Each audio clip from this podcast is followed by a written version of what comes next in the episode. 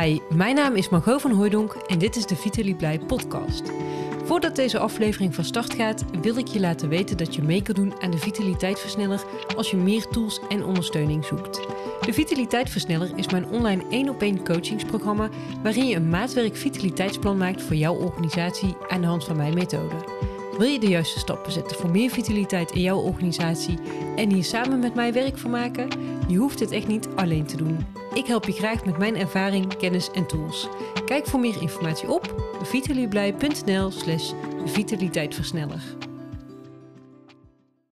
Zo, de tweede aflevering alweer. Welkom. Nou, eh, nadat ik de vorige keer ontzettend lieve en leuke reacties heb mogen ontvangen op de eerste aflevering, ehm, vandaag de tweede aflevering. En zoals ik al zei, ik vond het de vorige keer natuurlijk best spannend om te doen. Maar toen ik eenmaal bezig was, begon ik het eigenlijk ook gewoon heel erg leuk te vinden. En als mensen dan daadwerkelijk naar je podcast luisteren, stimuleert dat natuurlijk wel om door te gaan. Um, ik moet erbij zeggen dat ik zelf pas na een halve week durfde terug te luisteren naar mijn eigen podcast. Ik was bang dat ik mezelf misschien vond tegenvallen. Maar eigenlijk werd ik er zelf uh, best wel heel blij van. Dus dat deel van mijn missie was daarmee alvast geslaagd. Uh, wel hoorde ik mezelf zeggen dat ik uh, mezelf ook nog even zou introduceren. Alleen dat ben ik dus helemaal vergeten toen ik eenmaal uh, aan het kletsen was. Dus ik zal mezelf hier, hierbij nog heel kort voorstellen. En daarna gaan we natuurlijk lekker het thema in. Want daar wil ik juist deze keer natuurlijk ook wat meer over gaan vertellen. En je ook een handvat meegeven voor als je zelf mee met vitaliteit aan de slag wil. Nou, heel kort. Mijn naam is Margot van Opstal. Ik ben in 2019 gestart met Vitaly Blij. Um, echt vanuit mijn eigen passie voor vitaliteit.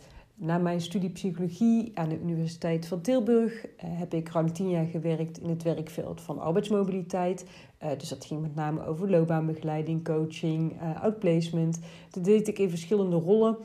Vanuit, nou, ik ben assessmentpsycholoog geweest, consultant, projectleider en allemaal superleuk om te doen. Maar ik was tegelijkertijd zelf ook bezig met mijn eigen vitaliteit. Hè? Dus uh, wat meer gezonde voeding, wat meer sport. En ik merkte toen ik uh, actiever ging wielrennen, dat ik mentaal ook veel scherper en sterker werd. Natuurlijk fysiek, hè? ik kreeg een betere conditie. Maar dat had dus ook uh, effect op bijvoorbeeld mijn zelfvertrouwen. En daarmee was wel mijn interesse gewekt. ook door, natuurlijk door mijn achtergrond, door het werk wat ik deed vond ik het heel erg interessant om die link te leggen tussen vitaliteit en, en ja, je fysieke fitheid eigenlijk en het effect daarop op uh, ja, je professionele leven, op het werk. Nou, uiteindelijk ben ik de post-HBO-opleiding tot vitaloog gaan doen, omdat ik het toch belangrijk vond om daarin ook een wetenschappelijke basis te hebben, praktische handvatten te krijgen. En ik ben uh, voor mezelf begonnen omdat ik heel graag ja, verschillende organisaties wilde helpen op het gebied van vitaliteit. Nou, dat was uh, een stukje professionele achtergrond van mij. Privé ben ik getrouwd met Falco. Wij wonen in Zundert. Nou, je hoort het vast al aan de Zachte G. Dat ligt in Noord-Brabant tussen Breda en Antwerpen. En we hebben twee hondjes, zijn allebei uh, zelfstandige ondernemer. Dus wat dat betreft is er altijd wel reuring in de tent hier. En uh, nou, ik, ik denk dat ik voldoende voor mezelf uh, heb toegelicht voor nu. Maar mocht je het leuk vinden om wat meer uh, in mijn persoonlijke leven een kijkje te nemen, volg me dan vooral op Instagram. Zoek even op Vitaly Blij, dan vind je me vanzelf. En daar geef ik nog wat meer een kijkje in mijn dagelijkse leven en hoe ik eigenlijk zelf ook probeer mijn meest vitale leven te leiden voldoende over mij voor nu. Want uh, deze tweede aflevering van de Vitaly Blij podcast wil ik uh, iets meer in het onderwerp duiken. En je proberen om handvatten mee te geven voor als je zelf aan de slag wil gaan met vitaliteit. En vandaag wil ik dus beginnen met het uh, toelichten van een model. Een model dat ik zelf ook toepas. En dit heet de vitaliteitsschijf van 5. Je zou dit model kunnen zien als een soort van handvat of kapstok. En hoewel het best logisch klinkt om een bepaald model toe te passen en te gebruiken, zie ik toch heel vaak dat, het, dat er eigenlijk met hagel wordt geschoten en dat dat dus niet gebeurt. Nou, het effect daarvan is dat het uh, niet aanslaat, hè, of dat er heel enthousiast wordt begonnen met vitaliteit, maar dat er eigenlijk geen resultaten worden bereikt, waardoor het thema ook een, een stille dood sterft. Of er wordt te eenzijdig ingezet op bijvoorbeeld alleen maar voeding en beweging. Nou, sommige medewerkers slaan daar dan wel heel erg op aan, terwijl anderen er juist helemaal niets mee hebben. En daardoor ja, willen ze eigenlijk helemaal niks meer weten van het hele thema vitaliteit. En dat is natuurlijk jammer, want ja, binnen een organisatie is het hartstikke mooi om hier aan te werken. Ehm, ja, en je kan het voorkomen door vooraf, uh, voordat je eigenlijk aan de slag gaat met allerlei acties en interventies, uh, kan je natuurlijk wel vooraf een tool selecteren waarmee je alle aspecten van vitaliteit betrekt. Dat heeft drie voordelen.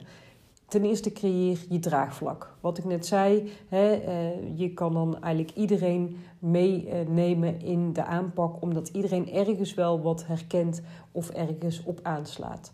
Ten tweede zorg je voor een gemeenschappelijke taal. Hè, doordat je steeds dezelfde termen gebruikt, uh, dat ook steeds terug laat komen. Ja, gaan mensen vanzelf ook ja, snappen en um, ja, kan je met elkaar dus ook makkelijker communiceren over het thema. En ten derde, je werkt echt aan de vitaliteit van medewerkers. Door alleen maar in te zetten op bijvoorbeeld um, uh, sport en voeding, ja, daarmee, uh, dat zullen we dadelijk ook zien, daarmee pak je eigenlijk maar een klein stukje beet, waardoor je ook heel veel laat liggen en misschien ook niet de resultaten bereikt die je wil bereiken. Nou, de vitaliteitsschijf van 5, het model waar ik zelf dus mee werk, wat ik ga toelichten. Uh, ik moet erbij zeggen, meteen, ik heb het niet zelf bedacht. Hiervoor geef ik alle credits aan Klaas Koster en zijn team van Vitalogisch. Dat zijn ook de mensen achter de opleiding tot Vitaloog. En ik zeg dit er bewust bij, want het uh, ja, model is heel logisch, uh, overzichtelijk, eigenlijk voor iedereen te begrijpen. Het is een compleet model. Maar toch, je moet het allemaal maar bedenken. Hè? Zo, zo simpel uh, als het lijkt, ja, dat is vaak juist het moeilijkste om, uh, om iets simpel uit te leggen. En daar zit jarenlange ervaring achter, samen met de wetenschappelijke basis. En daarom werkt het ook zo goed. Hè? Dus nogmaals, uh, alle credits voor Klaas. En het leuke van dit model is dat je het kan toepassen op individuen op teams en op organisatieniveau. En ik zal dadelijk ook wat voorbeelden proberen te geven, zodat je daar gevoel bij krijgt. En misschien meteen ook zelf uh, wat tips mee kan nemen voor jezelf of binnen jouw team of organisatie. Want hoe zit dat model dan in elkaar? Nou, de naam zegt het natuurlijk al. De vitaliteitsschijf bestaat uit vijf aspecten die allemaal staan voor een bepaald onderdeel van vitaliteit. Je zou kunnen zeggen dat dit vijf knoppen zijn waar je aan kan draaien als je wilt werken aan vitaliteit. Of dat nu voor jezelf is of bij jou in de organisatie. En ik noem ze even op uh, om ze daarna verder uh, toe te lichten stuk voor stuk. Um, deze aspecten uh, noemen we het fysiologische aspect, dat is één. Daarna hebben we het psychologische aspect, we hebben het ecologische aspect, het filosofische aspect en tenslotte het vitalogische aspect. Nou, dit zegt je misschien nog helemaal niks en daarom ga ik het per aspect toelichten. En dan start ik met het fysiologische aspect, want dat is misschien ook het meest voor de hand liggend.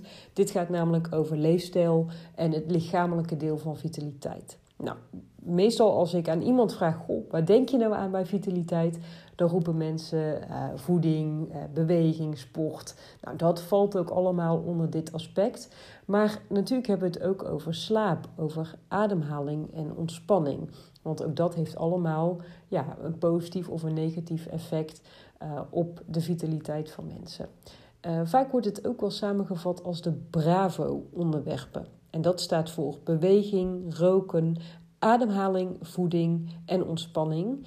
En nou ja, je kan je bij al deze onderwerpen goed voorstellen dat het heel direct een effect heeft op hoe je je voelt. Want ik denk dat we allemaal wel eens een keertje hebben meegemaakt dat we een slechte nacht hebben gehad. Uh, nou, de andere dag heb je meestal minder energie. Uh, ben je wat uh, nou, korter van stof. Heb je minder concentratie.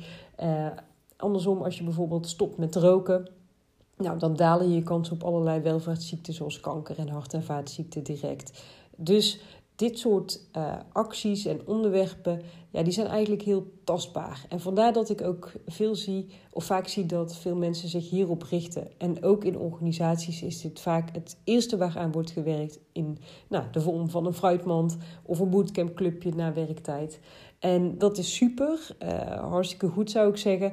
Maar het is dus wel maar één van de vijf aspecten van vitaliteit. Daarom ga ik meteen door naar het tweede aspect en dat is het psychologische deel. Nou, dat gaat dus eigenlijk vooral over uh, meer het mentale deel, over mindset, over gedrag. Heel simpel voorbeeld. We weten allemaal wel dat een appel gezonder is dan een koekje. Maar toch kiezen wij al gauw voor dat koekje in plaats van die appel. Ja, hoe kan dat nou? Dat heeft dus alles te maken met overtuigingen, met gedragspatronen. Want misschien vind je het wel gedoe om fruit mee te nemen naar je werk en het daar eerst te moeten wassen en schillen voordat je het kan eten. Heb je het gevoel dat je daar allemaal geen tijd voor hebt? Ja, dan is het natuurlijk veel makkelijker om even een reep uit je tas te pakken en die snel op te eten. Sport ook zoiets. Hè? Hoe vaak hoor je iemand zeggen: Nou, ik heb echt geen tijd om te gaan sporten. Ik denk dat dat meestal geen kwestie van tijd is, maar van prioriteit. dus dat zit eigenlijk meer in je overtuigingen uh, met betrekking tot sport. Je ziet dus al dat dit psychologische aspect van grote invloed is op de leefstijl van mensen. Uh, dus eigenlijk datgene wat we zojuist hebben besproken in het fysiologische deel. En als je hier geen rekening mee houdt, dan gaan mensen nooit intrinsiek gemotiveerd raken om te werken aan hun eigen vitaliteit. En dan wordt het misschien een kunstje. En dan komen ze misschien wel naar de workshop die je organiseert over gezonde voeding. En dan geef je mensen een stukje kennis. Maar dan is het toch eigenlijk onvoldoende gebeurd om ze daadwerkelijk ander gedrag te laten vertonen. Andere elementen die van invloed zijn op dit psychologische aspect zijn emoties, eh, je persoonlijkheid, zelfwaardering. Nou, ik kan hier zeker nog wel een keertje wat dieper op ingaan. Maar ja, wat ik heel vaak zie is dat mensen het zichzelf eigenlijk niet gunnen. Dus bijvoorbeeld, uh, ze gunnen zichzelf niet de rust om even ons te ontspannen of om te gaan sporten of om aan een nieuwe opleiding te beginnen, waardoor ze een baan kunnen gaan vervullen waar ze veel meer voldoening uit halen. Dus dit psychologische uh, aspect, ja, ik vind het als psycholoog natuurlijk ook een heel fascinerend onderdeel, maar het is ook uh, een onderdeel wat heel veel effect heeft op de andere gebieden van de vitaliteitsschijf van 5. Ik ga verder met het volgende aspect. En dat is het ecologische aspect. En nu wordt het eigenlijk heel erg leuk. Want dit is een superbelangrijk onderdeel van vitaliteit, waar niet zo vaak naar wordt gekeken. In eerste instantie wordt hier niet zo snel aan gedacht. Uh, maar zeker op organisatieniveau is dit wel het aspect waar je heel veel winst kan behalen. Want vanuit de ecologie, uh, ecologie zien we dat de context waarin je leeft en werkt van invloed is op jou en andersom ook. Dus dit geldt voor je fysieke omgeving, maar ook voor je sociale omgeving. Dus twee onderdelen. Ik begin met de fysieke omgeving. Uh, misschien moet ik daarin gewoon een voorbeeld geven, zodat je het ook voelt. Want stel je nou eens voor dat je in een oud kantoorgebouw werkt. In dat gebouw tocht het, er is weinig daglicht, eh, de ramen gaan moeilijk open, er hangt een beetje een muffe geur. Er hangt niks leuks aan de muur, waardoor je uitkijkt op een grijze muur. Ja, hoe voelt dat? Nou, waarschijnlijk, eh, als ik daar even aan denk, dan, dan zakt de energie al weg. En hoe anders is het dan als je in een mooi gebouw zit, waar uh, je alle faciliteiten hebt om lekker te werken. Er is lekkere koffie, er staan planten in je kamer, er zijn gezellige zitjes waar je even informeel kan bijpraten of kan overleggen met je collega's. Ja, dan zit je toch echt heel anders te werken en word je in ieder geval positief gestimuleerd.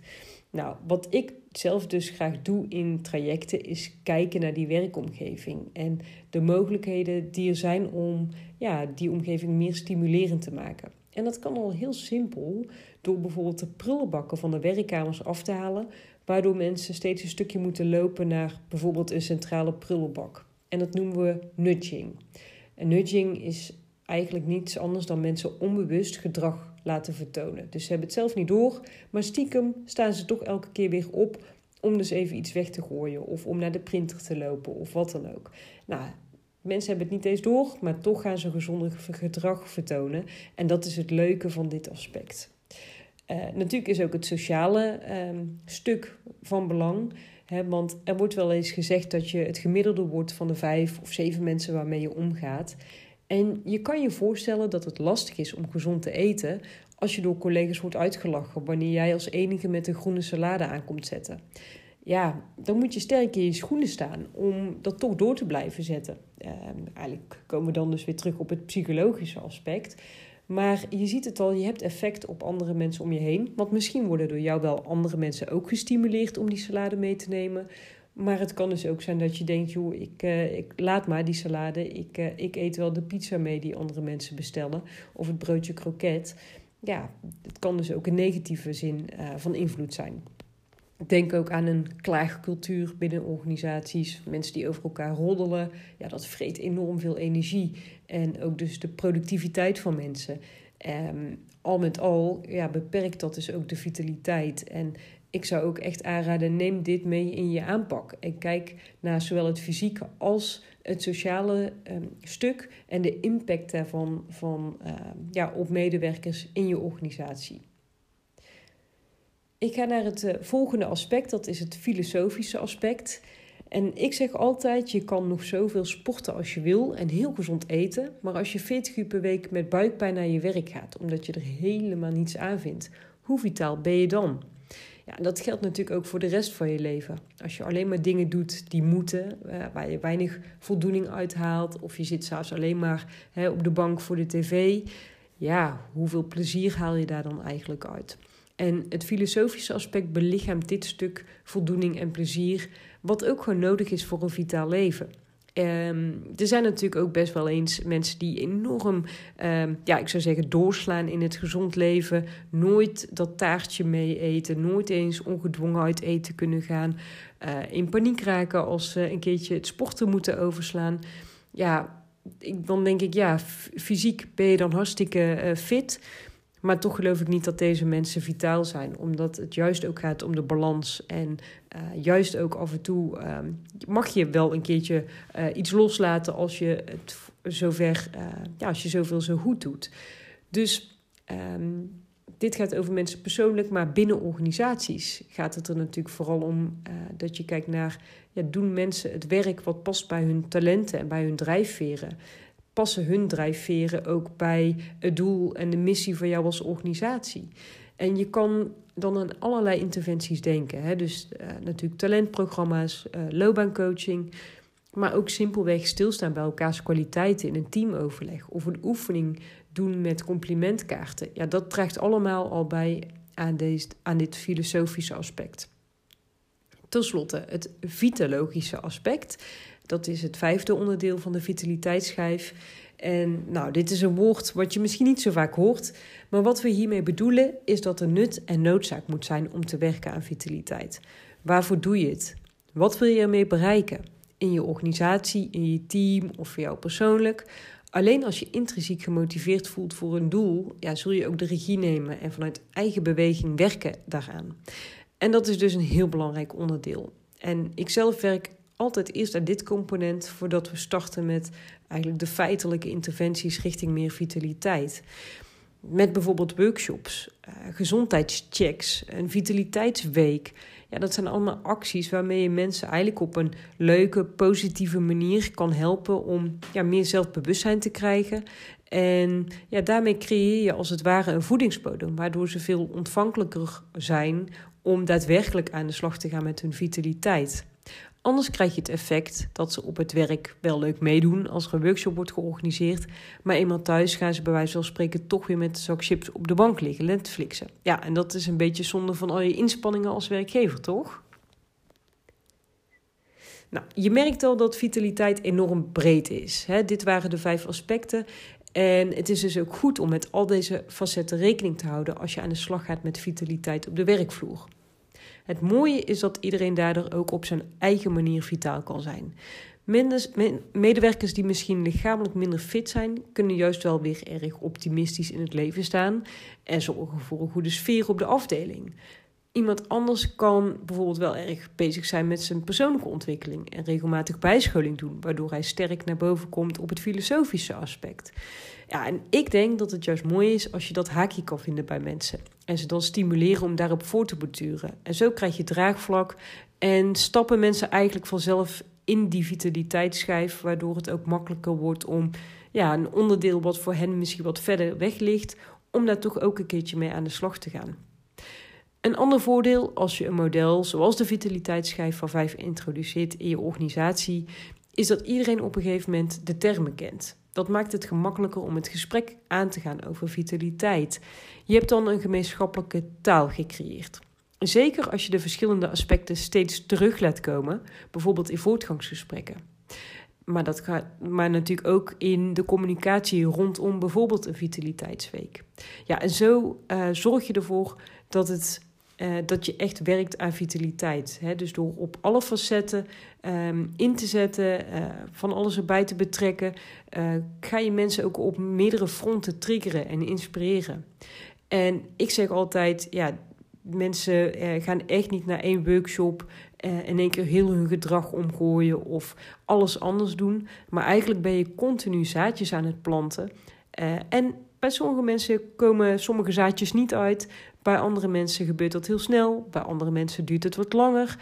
Maar je mag erop vertrouwen dat als je consistent aandacht schenkt aan al deze onderwerpen, ehm, ja, vroeg of laat gaan mensen daar echt wel in mee.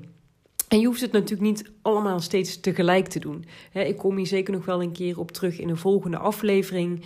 Um, maar ik vond het wel belangrijk om eigenlijk de basis van vitaliteit, zoals ik dat zie en zoals ik werk, om die ook al uh, met je te delen, zodat je het ook snapt als ik bijvoorbeeld uh, deze termen ga gebruiken. En uh, wij dus samen eigenlijk ook een gemeenschappelijke taal creëren als het gaat om vitaliteit. Um, ter samenvatting, ik zal gewoon nog even één keer de vijf aspecten noemen. Uh, we begonnen met fysiologisch, dus dat gaat over het fysieke deel en leefstijl. Daarna hadden we het psychologische aspect, dat is dus veel meer het mentale aspect van vitaliteit, gedrag, overtuigingen. Het ecologische aspect, dan hebben we het over de context, dus de fysieke en sociale omgeving. En filosofisch gaat juist meer over talenten en drijfveren. Dus leid je een leven met voldoening en plezier.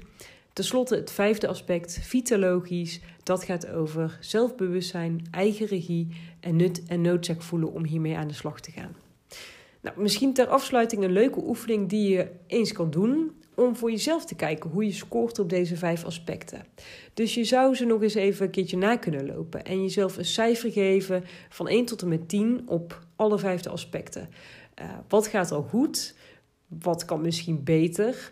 En op welk onderdeel zou je aan de slag willen gaan om van bijvoorbeeld een 6 naar een 7 te gaan? Ja, en welke stappen zou je daarvoor moeten gaan zetten? Welke gedragsverandering moet je daarvoor doormaken? Nou, maak dat stapjes heel klein en kijk eens wat je vandaag of morgen meteen kan doen om die eerste stap te zetten. Nou, als je deze oefening uh, voor jezelf doet en hier een beetje handigheid in krijgt, kan je die vragen jezelf nog eens stellen, maar dan met betrekking tot je team of je organisatie. Nou, ik ben benieuwd wat voor inzichten je krijgt en waarmee je dan aan de slag zou willen gaan. Kijk eens of je die eerste stap ook kan zetten. Want het leuke is als jij jouw omgeving inspireert om vitaler te gaan leven, dan heeft dat ook effect op jou. Energie is besmettelijk. We zagen het net al. Uh, jij beïnvloedt je omgeving en je omgeving beïnvloedt jou. Dus op die manier help je jezelf en help je anderen. Nou, laat het me weten. Ik zou het heel erg leuk vinden als je me laat weten wat voor inzichten je krijgt, wat die eerste stap is die je gaat zetten. Heel veel succes ermee en heel graag tot de volgende keer.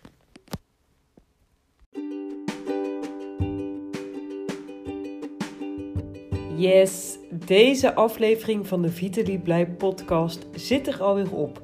Dankjewel voor het luisteren. Ik hoop dat je er informatie en inspiratie hebt uitgehaald. Mocht je nou juist een vraag hebben, laat het mij weten. Ik neem jouw vraag heel graag mee in een volgende aflevering van de Vitaly Blij podcast. Dankjewel voor het luisteren en heel graag tot bij een volgende aflevering.